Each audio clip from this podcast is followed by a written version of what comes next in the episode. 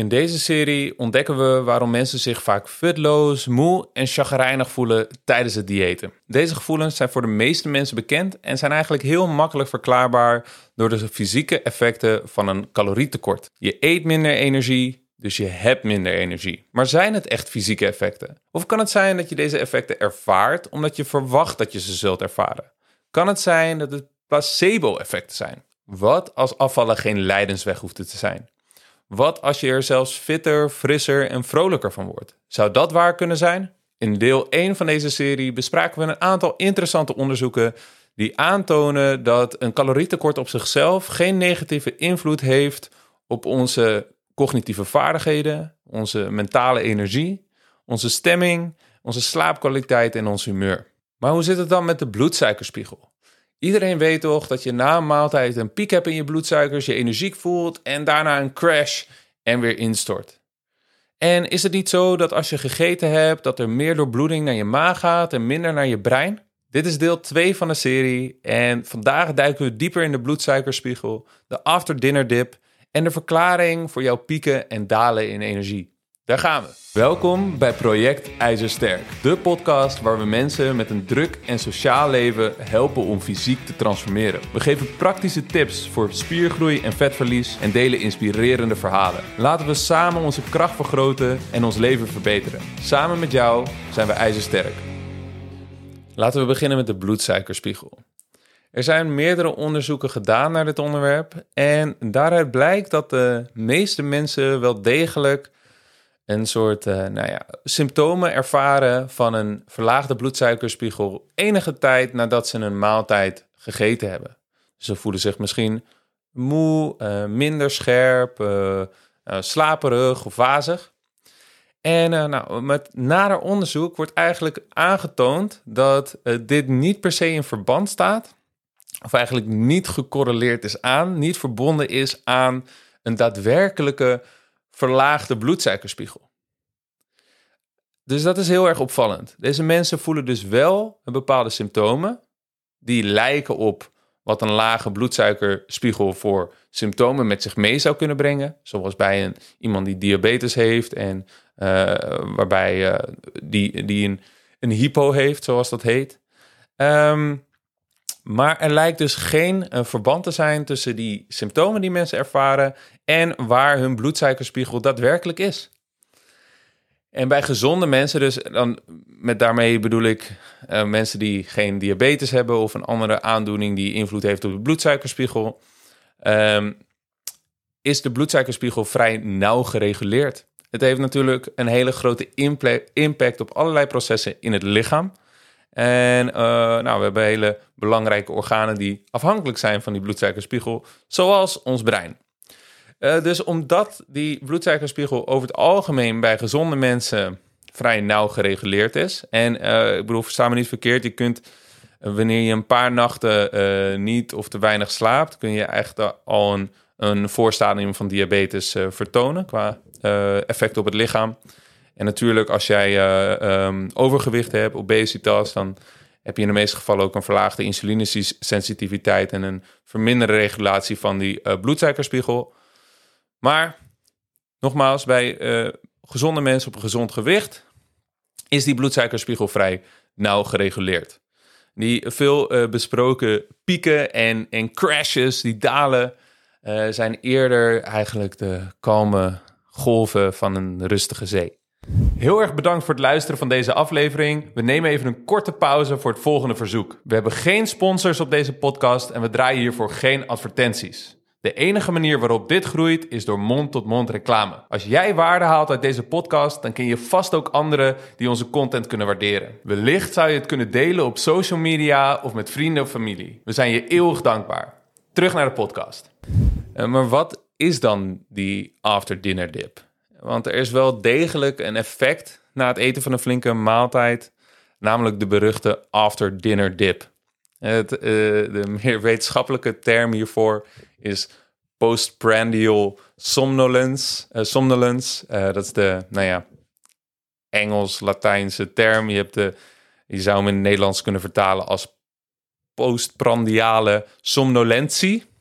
ik vind het alleen minder lekker klinken. Uh, wat vrij letterlijk betekent slaperigheid na de maaltijd. En de meest betrouwbare theorie hiervoor is dus niet per se die van uh, de invloed op de uh, bloedsuikerspiegel, maar eerder de invloed van verzadiging op ons zenuwstelsel. Misschien zal het voor sommige mensen bekend klinken. We hebben een, sympathisch en een parasympathisch uh, zenuwstelsel. En uh, nou, die termen zullen misschien niet bekend klinken, maar wat misschien wel bekend klinkt, is rest and digest. Dat is het parasympathische zenuwstelsel. En uh, fight or flight, het sympathische zenuwstelsel. Dus wanneer we een verhoogde activiteit hebben van het sympathische zenuwstelsel, dan is het lichaam alert, scherp. Dat is wanneer we gevaren, gaan we, zijn we alerter op gevaren. Kom je, zie je een leeuw op de savanne, dan gaat hij, uh, dat, krijg je een verhoogde activiteit van het sympathische zenuwstelsel. Maar ook wanneer een uh, collega op het werk een nare opmerking maakt. Of wanneer je honger hebt. Dus eigenlijk wanneer we honger hebben, is er een verhoogde activiteit, vergrote activatie van het, paras van het sympathische zenuwstelsel, ofwel het fight or flight, de fight or flight modus.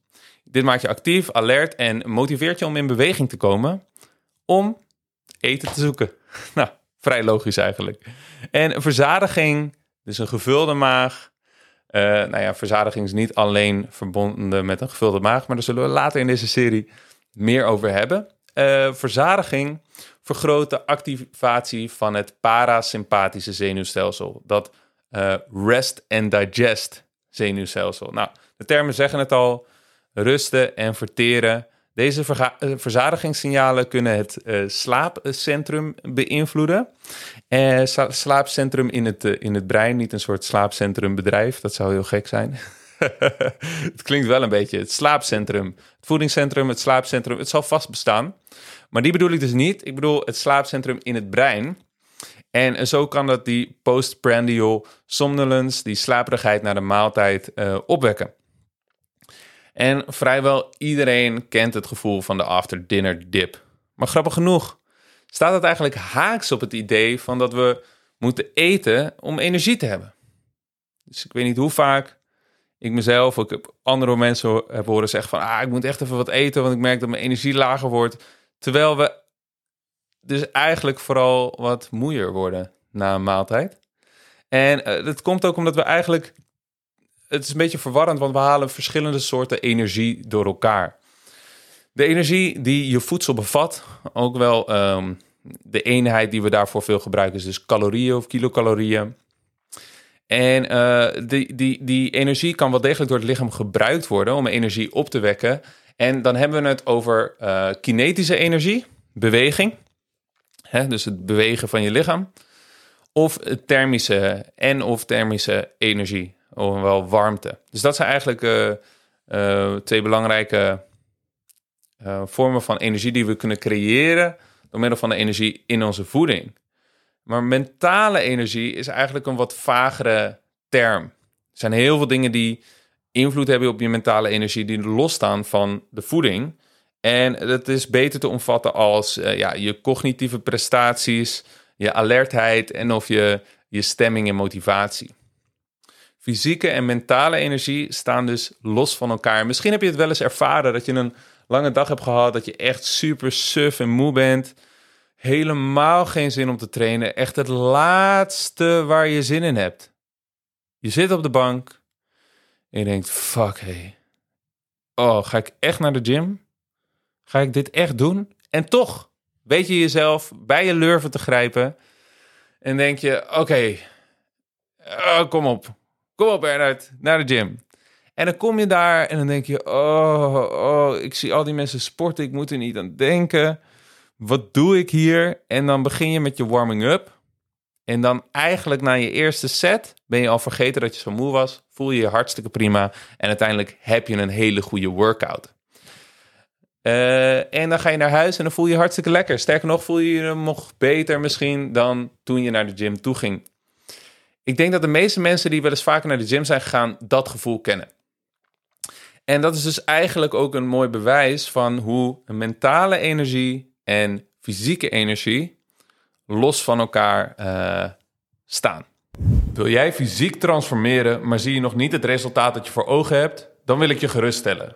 Het ligt waarschijnlijk niet aan jou, maar het ligt aan het plan dat je volgt. Je kunt wel hard je best doen, maar als het plan niet effectief of duurzaam is, zul je geheid falen en je motivatie verliezen. Wij helpen mensen zoals jij het plateau doorbreken en transformeren in 12 weken. Als je het zat bent om veel moeite te stoppen in weinig resultaat, meld je dan aan voor een vrijblijvende kennismaking via onze website www.projectijzersterk.nl. Terug naar de podcast. Dus uh, evolutionair gezien is het allemaal ook uh, vrij logisch. Als, uh, ik heb het in de vorige aflevering ook gezegd, maar als onze voorouders wazig, slap, energieloos, minder scherp, minder slim waren geweest, als ze weinig te eten hadden, dan hadden ze het waarschijnlijk niet lang overleefd. Hè? Want als er schaarste was, dan moesten ze dus scherp zijn en energiek, zich energiek voelen, gedreven voelen om in beweging te komen. Uh, om um, voedsel te, te verzamelen of op uh, voedsel uh, te jagen. En als er veel te eten was, hè, een mooie vangst, een mooie bramenstruik gevonden, konden ze goed eten, ontspannen, uitrusten en voortplanten. Oké, dus voeding is niet het probleem voor onze, van onze gebrek aan mentale energie. Maar, maar wat is dat dan wel? Uh, het onderzoek wijst er dus op dat je geen maaltijd nodig hebt om je mentaal scherp, vrolijk en energiek te, voel te voelen. En calorietekort lijkt op zichzelf geen significant effect op je cognitieve vaardigheden, stemming of slaapkwaliteit te hebben. Sommige cognitieve vaardigheden gaan zelfs vooruit wanneer we een maaltijd overslaan of, of vasten. Uh, met name de um, het geheugen uh, bij diëten of uh, bij vasten. En um, natuurlijk zijn er extreme gevallen, zoals daadwerkelijke verhongering of uh, ja, eetstoornissen, um, waarbij, deze, waarbij een calorietekort zo ver wordt doorgerokken dat, er mogelijk, dat die mogelijk een uitzondering vormen op deze, deze regel. Maar als we goed in principe gezond zijn. En uh, dan, dan lijkt dat calorietekort, lijkt dat diëten dus eigenlijk op zichzelf niet echt uh, de effecten te hebben waarvan we dachten dat het zou hebben. En als we goed verzadigd zijn, dan hebben we dus niet meer energie, maar dan zijn we juist moe en uh, slaperig, niet energiek. Maar waarom voelen mensen zich dan vaak toch zo slecht bij het diëten? Uh, dat is een hele interessante vraag. Waarom vinden mensen het zo zwaar om te diëten en ervaren ze duizeligheid, misschien al in de eerste weken en een gebrek aan energie? Uh, zoals gezegd heb ik dat zelf ook uh, sterk ervaren in het verleden. En waar komt dat gevoel van malaise nou vandaan? we duiken er dieper in bij de volgende aflevering van deze serie. Dus als je nog niet geabonneerd bent op deze podcast, doe dat dan eventjes. Dan zie je de volgende aflevering vanzelf verschijnen. Ik wil je heel erg bedanken voor het luisteren. Ik heb zin in de volgende aflevering van deze serie. We gaan samen op ontdekkingsreis, op zoek naar de waarheid. Uh, en wat we daarvan leren voor uh, succesvol vetverlies en een gezond en uh, gelukkig leven. ik heb er heel veel zin in. mijn naam is Bernard en bedankt voor het luisteren.